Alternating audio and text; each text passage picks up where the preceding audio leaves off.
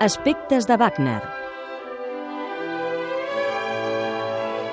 El bicentenari de Richard Wagner a una tarda a l'òpera. Aviat necessitarem més d'una vida per llegir i assimilar tot el que s'ha escrit sobre Richard Wagner, més encara tot el que va escriure Wagner i tot el que s'ha produït sobre el compositor de Leipzig. La impossibilitat d'assumir-ho tot fa que ens haguem de conformar amb algunes referències, però anys com aquest que vivim i que comparteix commemoració amb Giuseppe Verdi i Benjamin Britten ajuden a estimular la lectura i a focalitzar-la en la revisió d'alguns clàssics i en l'assumpció d'algunes novetats. I ara us els volem fer avinents, si més no, les que han aparegut en llengua catalana o castellana. El desaparegut divulgador Ángel Fernando Mayo és autor de diversos estudis i traduccions sobre l'obra wagneriana. D'ell, per exemple, és la traducció d'òpera i drama, reeditada ara per Acal.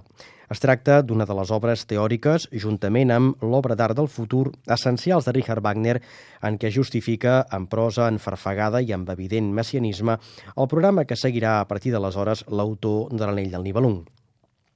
Un text, per cert, que es va traduir al català el 1995 per l'Institut del Teatre en un volum que caldria reeditar tant per l'acurada traducció de Mercè Figueres com per l'edició crítica a càrrec de Roger Alier i Fernando Sanz Rivier. Acal és també responsable de l'edició d'un treball extraordinàriament interessant, les Cinco lecciones sobre Wagner, del filòsof francès Alain Badiou. Els cinc capítols que integren el volum són una posada al dia del rerefons filosòfic de l'obra wagneriana amb una erudita confrontació entre partidaris i detractors, des de Nietzsche fins a l'Escola Bart, passant per Mann i Adorno. Hi ha un capítol molt interessant, Reabrir el caso Wagner, en què Badiou analitza el concepte del temps en l'obra que és definida com a essencialment discursiva en el seu esdevenir dramàtic i que, a través de la música, i citem textualment, transforma la història del món en les estancament del subjecte. L'únic decebedor d'aquest llibre és l'apèndix, un capítol de Slavoj Zizek, ja sigui perquè el títol del text, Wagner, el antisemitismo i la ideologia alemana, no sembla tenir res a veure amb el contingut o perquè el text sembla un refregit precisament d'un assaig del mateix Zizek. No per això el volum de Cal deixa de ser menys interessant, al contrari, és dels treballs més estimulants que hem pogut llegir en els darrers anys sobre l'obra de Richard Wagner. Encara un altre llibre, de Brian McGee, autor d'una referència ineludible en el context de la bibliografia sobre l'autor de Tristany i Isolde. Parlem de Wagner and the Philosophy, editat en anglès per Penguin l'any 2000, un treball no traduït ni editat encara a casa nostra. Però no agrairem prou a Jaume Vallcorba que a Cantilado dediqui tants esforços a l'edició d'assaig musical, i per això ens hem de felicitar per poder gaudir d'Aspectos de Wagner. McGee estructura el breu però intens volum de 120 pàgines pàgines en sis apartats, un dels quals, el dedicat al judaïsme, pot resultar irritant pel seu relativisme.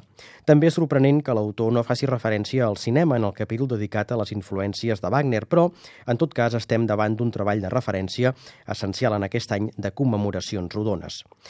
El sensacional treball de Jonathan Carr, El clan Wagner, editat el 2009 i que estudia les riqueses i misèries de la família del compositor fins a arribar als descendents vius i actuals, cal afegir dues obres editades aquest 2013 i que són textos clàssics, un del mateix Wagner i l'altre de Nietzsche.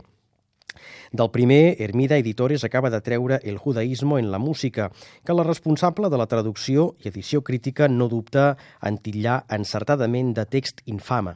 Qui ho diu és una autoritat com Rosa Sala Rose, germanista i responsable de diverses edicions de textos clàssics de la literatura alemanya, a més d'autora del Diccionari de Mitologia i Simbologia Nazi, publicada a Acantilado.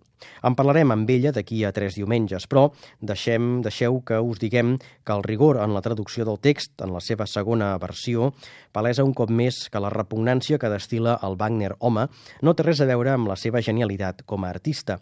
I si l'obsessió antisemita wagneriana faria les delícies d'un psicoterapeuta, també ho farien les obsessions anti-wagnerianes d'un Friedrich Nietzsche que va passar de l'amor a l'odi per causes més aviat justificades. Això no treu que l'autor de l'origen de la tragèdia carregui un excés de visceralitat en dues obres declaradament anti-wagnerianes, el cas Wagner i Nietzsche contra Wagner. En varen parlar amb Jaume Creus i del Castillo, autor de la traducció i d'aquesta edició crítica a càrrec d'edicions de 1984.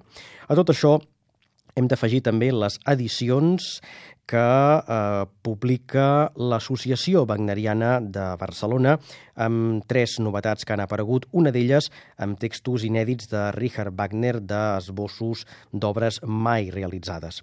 Una bona oportunitat, doncs, per conèixer de primera mà alguns dels textos fonamentals per entendre les contradiccions d'aquest gran home de la cultura decimonònica, l'obra del qual traspassa temps i fronteres.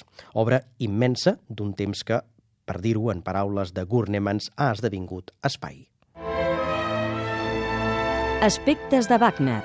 El bicentenari de Richard Wagner a una tarda a l'òpera.